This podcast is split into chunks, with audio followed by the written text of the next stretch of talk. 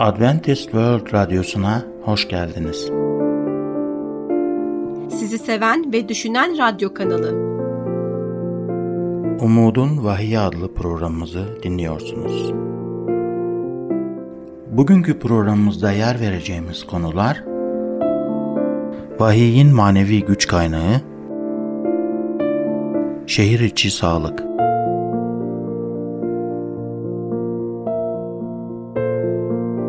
Değerli dinleyicilerimiz, programımıza hoş geldiniz. Arkadaşlar, bugünkü konumuz Vahiy kitabının manevi güç kaynağı. Lütfen konumuz hakkında herhangi bir sorunuz olursa hiç çekinmeyin ve WhatsApp numaramız olan artı 357 99 786 706'dan bizlere hemen ulaşın. Hadi birlikte 2000 yıl öncesine Ege Denizi'nde Türkiye kıyılarına çok yakın antik bir adaya gidelim. Bu gittiğimiz ada Yuhanna'nın bugün bizim vahiy kitabı olarak adlandırdığımız kitaptaki görümleri görmüş olduğu Patmos adası.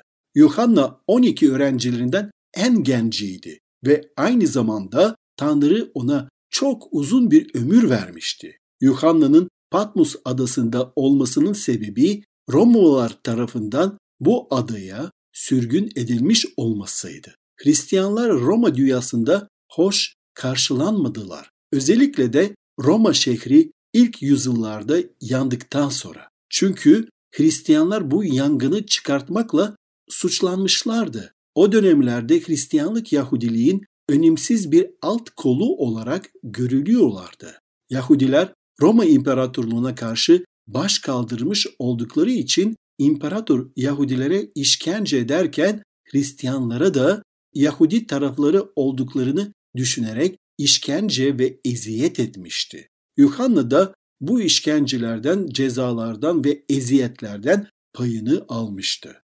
Onu Patmos denen kayılıklarla kaplı çorak bir adaya sürgün etmişlerdi. Fakat bütün bunlara rağmen Yuhanna kendisini onca mucizelerine tanıklık ettiği kurtarıcısı İsa Mesih'e adayarak Rabbe olan inancını kaybetmedi. Çünkü Yuhanna İsa kör bir adamın gözlerine dokunup onun gözlerini açtığında oradaydı. Çünkü Yuhanna İsa sağır bir adamın kulaklarının duymasını sağladığında oradaydı. Çünkü Yuhanna İsa'nın yıllar boyunca kolunu kullanmayan adamın iyileşmesini sağladığını gördü. Çünkü Yuhanna topalın yürüyüp koşup sıçramaya başladığında, körün gözleri açıldığında, sağırın duymaya başladığında, diller iyileştiğinde ve ölüler dirildiğinde oradaydı. Evet çünkü Yuhanna bunların hepsini tanıklık etmişti ve bu yüzden İsa'ya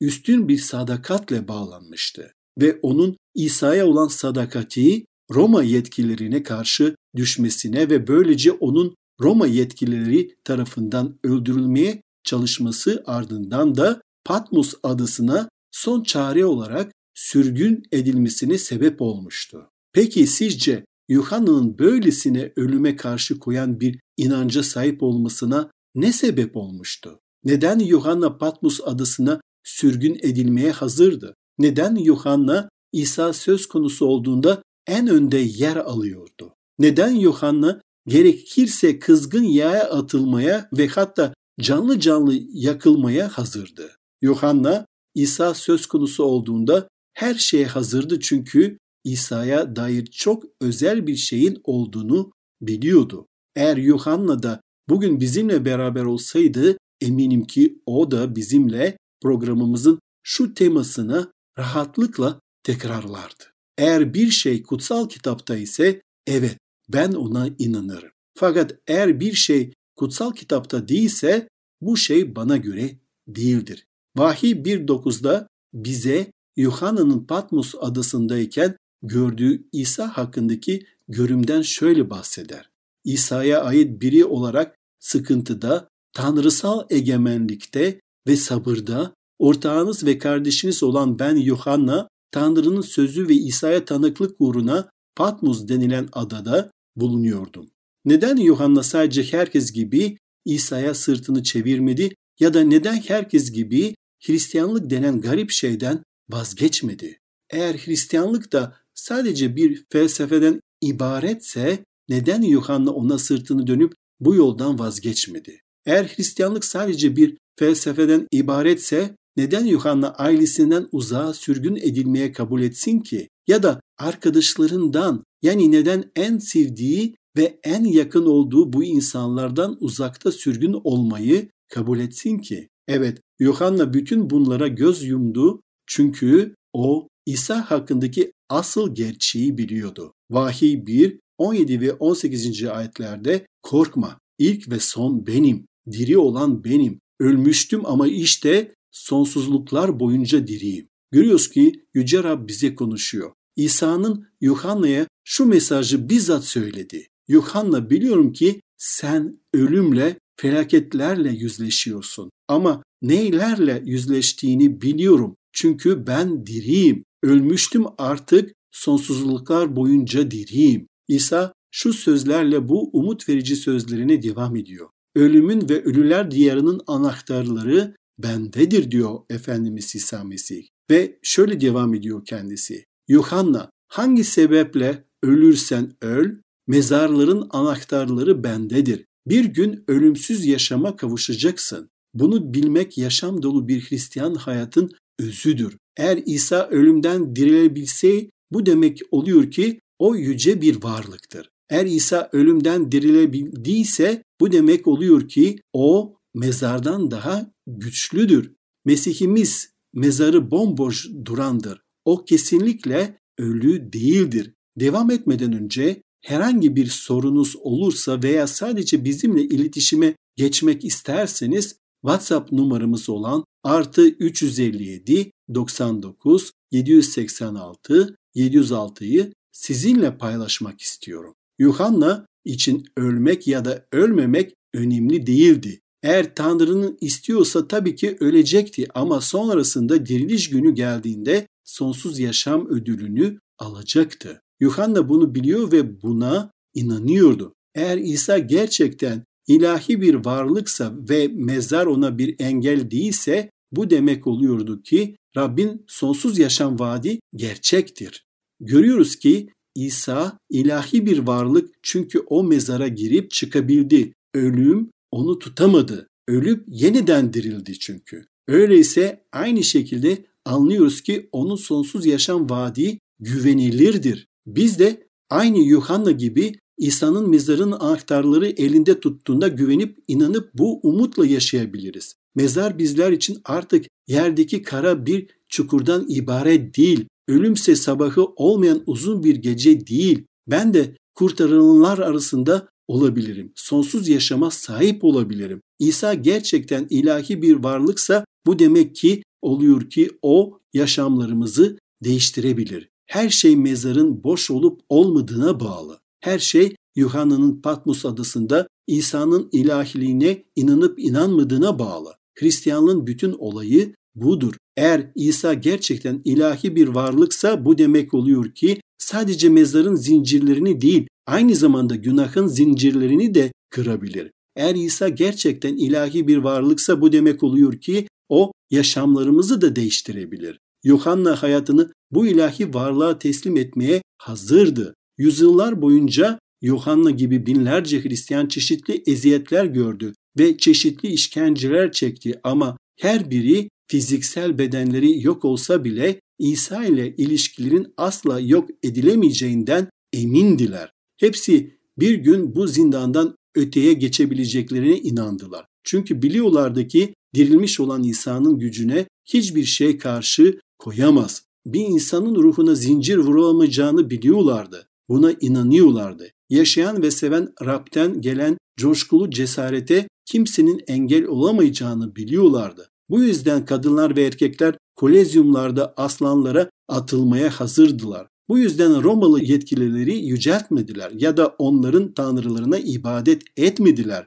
Onların putlarına tapmadılar. Sezar'a tapmaktansa ölmeyi yeğlerdiler. Vücutları ellerinden alınsa bile bir gün o ilahi Mesih ile beraber yaşayacaklarını biliyorlardı. İşte bu düşünce onların yüzyıllar boyu imanlı kalmalarını sağladı. Çağlar boyunca birçok kadın ve erkek sadece inançlarından dolayı hapislere atıldılar. Bu insanların elleri kolları bağlı bir şekilde Mesih'e inanmaktan başka hiçbir şeyleri yoktu. O insanlar kızlarını ve oğullarını kaybetmişlerdi. Bir gece yarısı o insanların evlerine zorla girilmiş ve ellerinden incilleri alınıp sokağa atılıp kıyafetleri paramparça edilip yakılıp yok edilmelere rağmen İsa'ya imanlarını sürdürmeye devam etmişlerdi. Neden? Çünkü onların hepsi İsa'nın ölümden dirildiğine inanıyorlardı. İsa'nın yaşadığına inanıyorlardı. Mesih'in bir gün onları ölümden uyandıracağına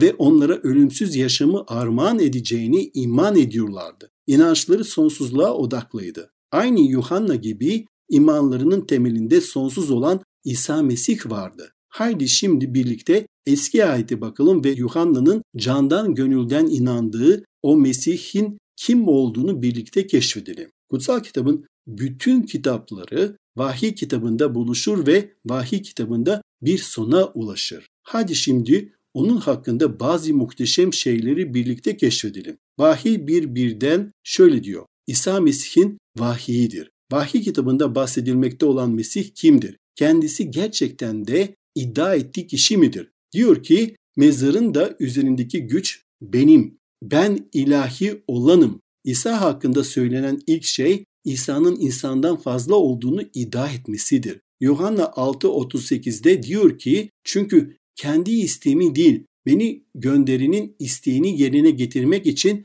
gökten indi. İsa kendisinin cennetten indiğini söyledi. O doğan her insan çocuğundan farklıydı. O doğaüstü bir şekilde dünyaya geldi. Bütün kutsal kitap ilahi olan bir Mesih'ten bahseder. Peki ama özellikle Yuhanna neden iman etmişti? Yuhanna 5.39'da şöyle diyor kelam. Kutsal yazıları araştırıyorsunuz çünkü bunlar aracılığıyla sonsuz yaşama sahip olduğunuzu sanıyorsunuz. Bana tanıklık eden de bu yazılardır. İsa burada bu dünyadayken eski ahidi açtı. Ve eski ahitteki pasajlarda bazıları 500, 700 hatta 1000 yıl öncesine ait olan peygamberlik sözü ön bildirilerinden alıntılar yaptı. Peygamberlik sözü ön bildirileri İsa'nın ilahi bir varlık olduğunu söylüyordu. Aslında bakarsınız Mesih'in yaşamı o daha dünyaya gelmeden yazılmıştı.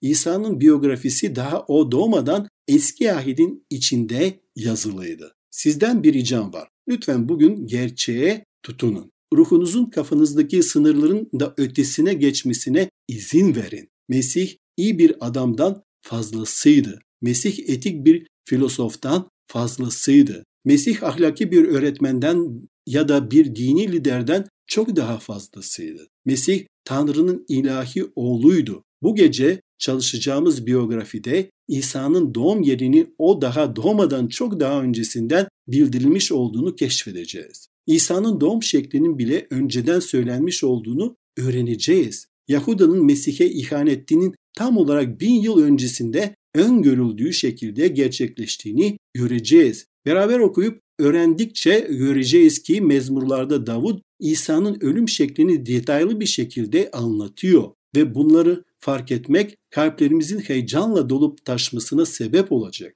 İsa'nın doğum yeri bile o doğmadan 700 yıl öncesine çoktan ön bildirilmişti. Mika 5.2'de ama sen ey Betlehem Efrata, İsrail'i benim adıma yönetecek olan senden çıkacak. Betlehem İsa'nın doğmadan önce götürüldüğü yerdi. Nazaret ise Betlehem'den 150 kilometre uzaklıktadır. Bugün böylesi bir yolculuğu birkaç saatte yapabilirsiniz ama eğer bir eşeğe binmişseniz o dar dönemeçlerden giderken bu yolculuk sizin için en az 5 gün sürebilir. İsa'nın doğumundan 6 ay öncesinde Meryem'e bebeğinin nerede doğacağı sorulsaydı o büyük ihtimalle Nazaret'te cevabını verirdi. Düşünsenize böylesi bir dönemde ve böyle şartlar altında herhangi biri hamile bir kadının eşeğe binip 5 günlük bir yolculuğa çıkacağını tahmin eder miydi? Fakat 700 yıl öncesinden kutsal kitap böyle bir şeyin ön bildiri ve bu tam olarak bildirildiği şekilde gerçekleşti. Ve İsa Meryem Betlem'e varır varmaz doğdu. Bir gün önce veya sonra değil. Çünkü peygamberlik sözü ön bildirili gerçeği tahmin etmez.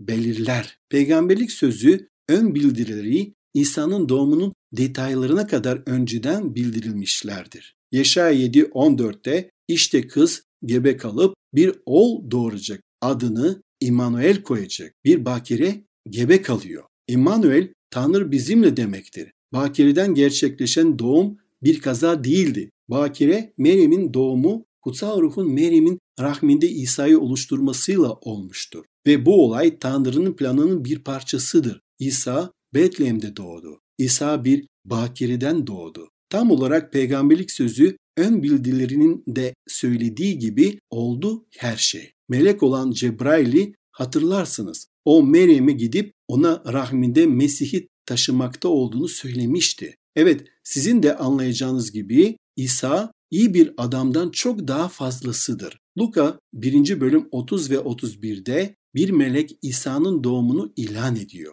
Bak, gebe kalıp bir oğul doğuracak. Adını İsa koyacaksın. Evet arkadaşlar, bugün birlikte kutsal kitapta İsa'ya dair olan peygamberlik sözlerini inceledik. Hikayemizde bir sonraki bölümümüzde de devam edeceğiz. Lütfen bizi takip etmeye devam edin. Bugünkü bölümle ilgili herhangi bir sorunuz varsa ya da kutsal kitabın sunduğu gerçeği takip etmek istiyorsanız veya özel bir duaya ihtiyaç duyuyorsanız lütfen hiç çekinmeyin ve hemen bize WhatsApp numaramız olan artı 357 99 786 706'dan veya e-mail adresimiz olan radyo.umuttv.org adresinden ulaşın. Sizi bekliyoruz. Bugünkü konumuzun sonuna geldik. Şimdi sağlıkla ilgili konumuzla programımıza devam edeceğiz. Bizi dinlemeye devam edin. Görüşmek üzere.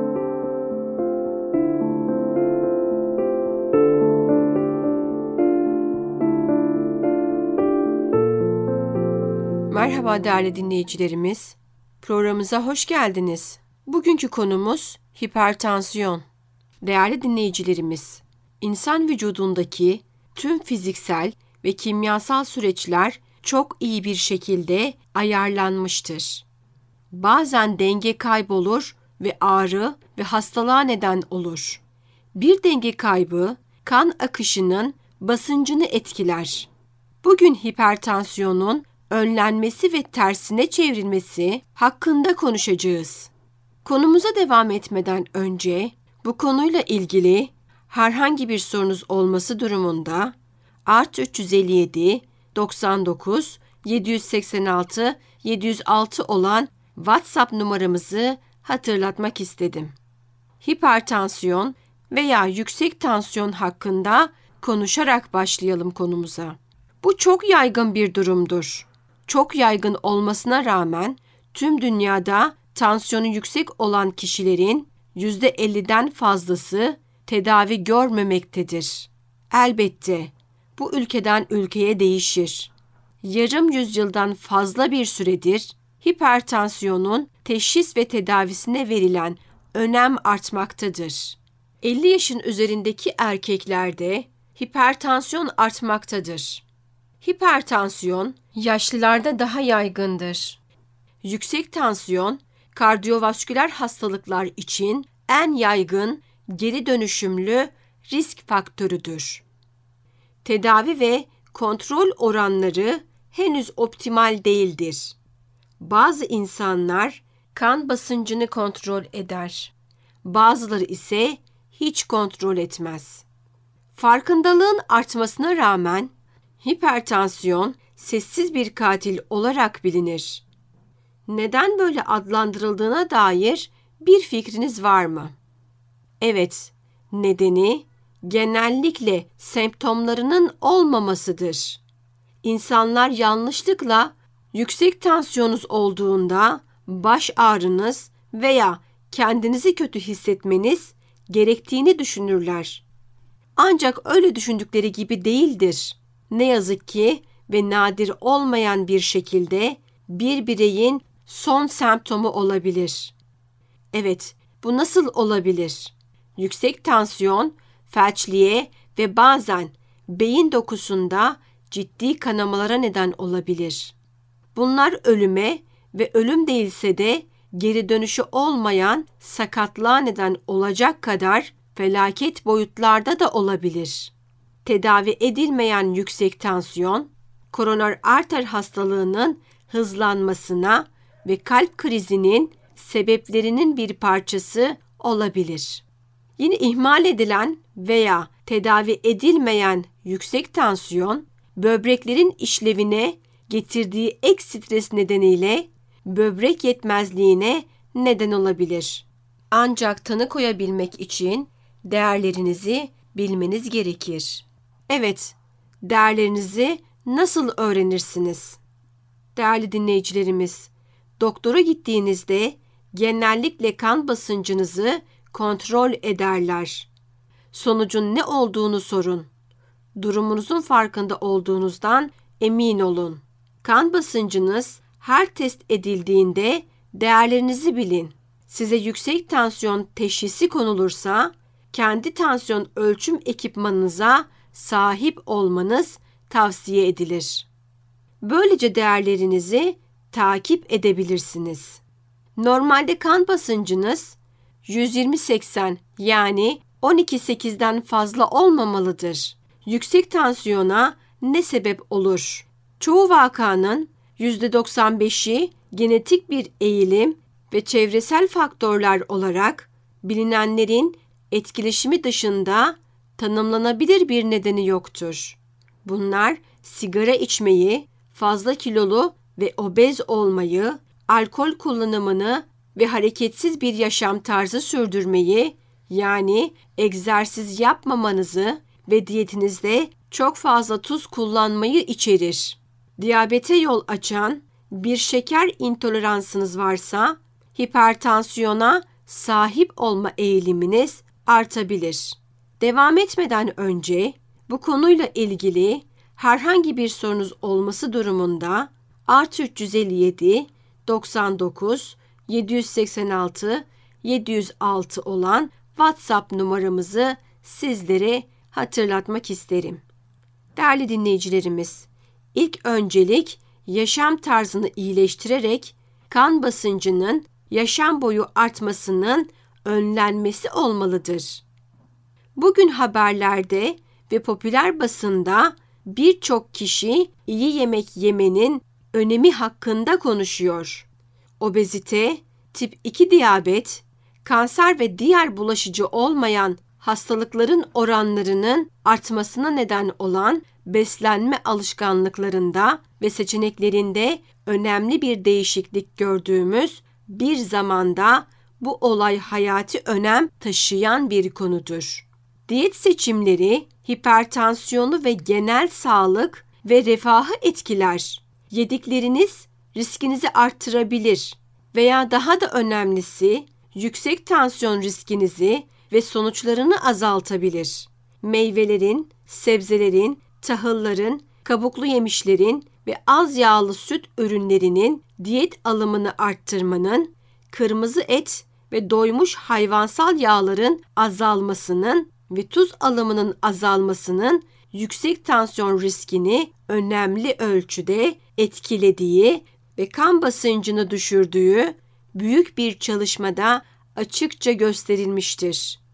Çalışma gruplarında şekerli içecekler ve rafine karbonhidrat alımı da azaltılmıştır. İnsanların daha uzun yaşadığı ve daha fazla insanın yaşlandığı bir zamanda yaşıyoruz.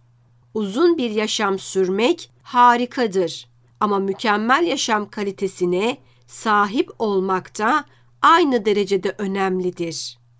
Araştırmacılar hem kalite hem de yaşam süresi açısından bir fark yaratmayı seçebileceğimiz tüm sağlık müdahaleleri arasında yapılacak en önemli seçimin düzenli olarak egzersiz yapmak ve en uygun şekilde günlük egzersiz yapmak olduğunu gösterdi. Evet değerli dinleyicilerimiz, zamanım yok dediğinizi duyar gibiyiz. Size söylemem gerekirse buna zaman ayırmalıyız. Yeterli egzersiz yaptığımızı nasıl biliriz? Evet, adımlarımızı adım sayar veya akıllı telefon kullanarak bilebiliriz. Her gün 10 bin adım atmayı hedeflemeliyiz. Evet, işte bazı iyi haberler. Egzersizinizi gün boyunca tek seferde tamamlamak zorunda değilsiniz. Amacınız 45 dakikalık egzersiz yapmaksa bunu her biri 15 dakikalık 3 seansta veya her biri 20 dakikadan biraz fazla olan 2 seansta da yapabilirsiniz. Egzersizinizin düzenli ve tutarlı bir şekilde yapılması gerekir. Bu gerçekleri göz önünde bulundurmalı ve hali hazırda yapmıyorsanız düzenli bir egzersiz programı uygulamalısınız. 7. gün Adventistleri tüm dünyada uzun ömürlülüğü ve toplumu rahatsız eden birçok kronik hastalığın az görülmesi ile tanınan bir Hristiyan mezhebini temsil eder. Araştırmacılar bir açıklama bulmak için on binlerce Adventisti titizlikle incelediler ve Adventistlerin sağlık avantajı ifadesini ortaya çıkardılar. Gelecekteki programlarda egzersiz hakkında daha fazla konuşacağız. Evet değerli dinleyicilerimiz, egzersiz programınıza başlayıp başlamayacağınızı mutlaka doktorunuza danışın. Genel sağlığımızı korumak, gerçek hayatta fiziksel zorluklara yüzleşme yeteneğimizi arttırmak ve daha uzun bir faydalı aktivite yaşamına hazırlanmak için egzersiz yapıyoruz. Başka birini etkilemeyi hayal etmemeliyiz ve hatta ne kadar güçlü olduğumuzu kendimize kanıtlamamalıyız. Hedeflere sahip olmak iyidir. Ancak gerçekçi ve pratik olmalıdır. Ve hedeflerimizden biri yaptığımızın tadını çıkarmak, gülümsemeyi öğrenmek, gülmek, aktif ve mutlu olmaktır. Değerli dinleyicilerimiz, bugün sizi ziyaret etmek ve sağlığımız için temel bir konuyu tartışmak harika oldu. Daha uzun, daha iyi bir yaşamın bencil bir arayış olmadığını her zaman hatırlayalım. Ailelerimiz ve toplum için bir nimet olabiliriz. Kutsal kitap denen eski kitaptaki bilgelik hiçbirimiz kendimiz için yaşamadığını, hiçbirimiz de kendimiz için ölmediğini söylüyor. Geniş bir aile ve toplum ağının parçasıyız ve hayatın en büyük başarısı başkalarının iyiliğine katkıda bulunmaktır. Bir sonraki bölümde tekrar sizinle birlikte olmayı dört gözle bekliyoruz. Evet değerli dinleyicilerimiz, bugünkü konumuzla veya sağlıkla ilgili herhangi bir sorunuz varsa WhatsApp numaramız olan artı 357 786 706 ya da radyo elektronik posta yoluyla bize yazmanızı sizlere tavsiye ederim. Değerli dinleyicilerimiz, bizi dinlediğiniz için, bizi tercih ettiğiniz için teşekkür ederim. Bugünkü konumuzun sonuna geldik. Bir sonraki programda görüşmek üzere. Sağlıkla kalın, hoşça kalın. Gelecek programımızda yer vereceğimiz konular Vahiyin manevi güç kaynağı Hipertansiyon Bugünkü programımızın sonuna geldik. Bir dahaki programda görüşmek üzere. Hoşça kalın.